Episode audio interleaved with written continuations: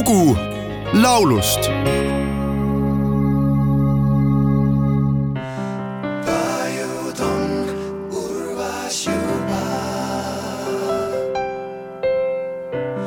hõbedased ja valged. kui tuled külmast talvest,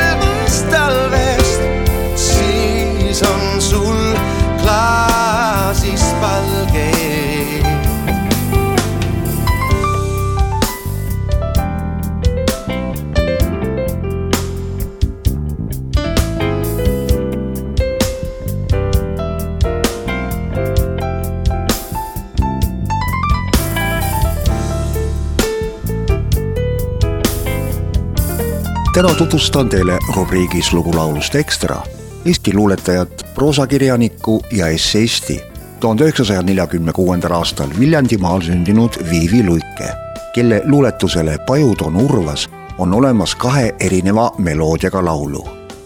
aastatel tuhat üheksasada viiskümmend neli, kuuskümmend viis õppis Viivi Luik Kalmetu kaheksaklassilises koolis ja Tallinna Kaugõppe Keskkoolis tuhande üheksasaja kuuekümne seitsmenda aastani töötas ta Tallinnas arhivaarina. seejärel sai temast kutseline kirjanik. alates tuhande üheksasaja seitsmekümnendast aastast on ta Kirjanike Liidu liige. Viivi Luige esimene trükis luuletus ilmus tuhande üheksasaja kuuekümne teisel aastal ja esimene raamat kolm aastat hiljem. alates sellest ajast on ilmunud tema sulest kümme luulekogu, kolm romaani, samuti esseesid ja lasteraamatuid tuhande üheksasaja kaheksakümne kuuendal aastal omistati Viivi Luigele Eesti NSV tehnilise kunstniku aunimetus ja aastal kaks tuhat ulatati Viivi Luigele Valge Tähe kolmanda klassi teenetemärk. tuhande üheksasaja seitsmekümne viiendal aastal avaldas Viivi Luik luulekogu Põlis kevad, kuhu oli paigutanud luuletuse Pajud on urvas. sellele on kirjutanud meloodia ja ka esimesena salvestanud Gunnar Graps.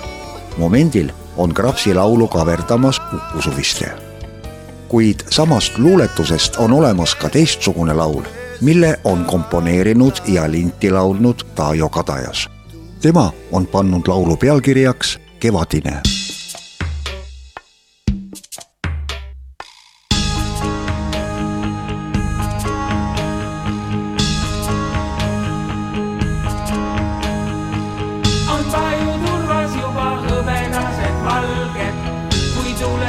pikast talvest, siis on klaasis valge. kui tuleb pikast talvest, on sul klaasis valge. ehk paistab nendest läbi see, mis teed ja tunned, on mälu.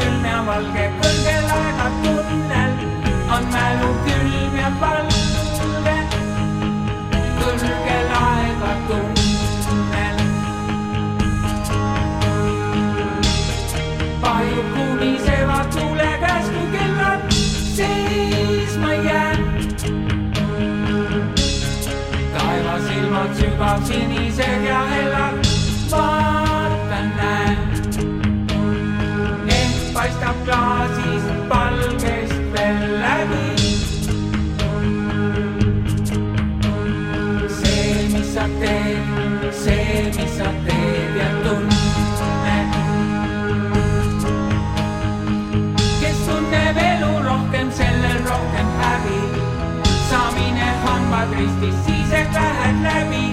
kui sa suudad tunda veel häbi, siis sa ehk pääsed veel läbi. on palju turvas juba hõbedased valged, kui tuleb pikast talvest,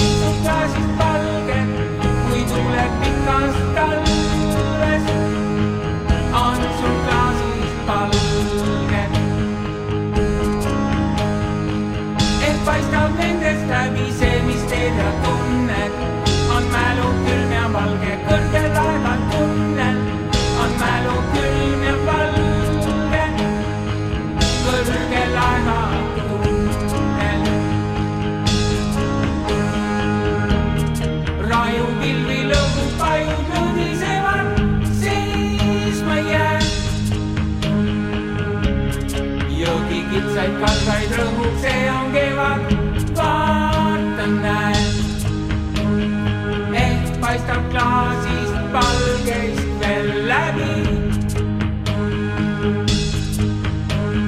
see, mis sa teed, see, mis sa teed ja tunned. kuivas kevadtuules keerleb õnnatuli, siis ma jään. elus ainult kaks või kolm on ilmutusi, vaatan,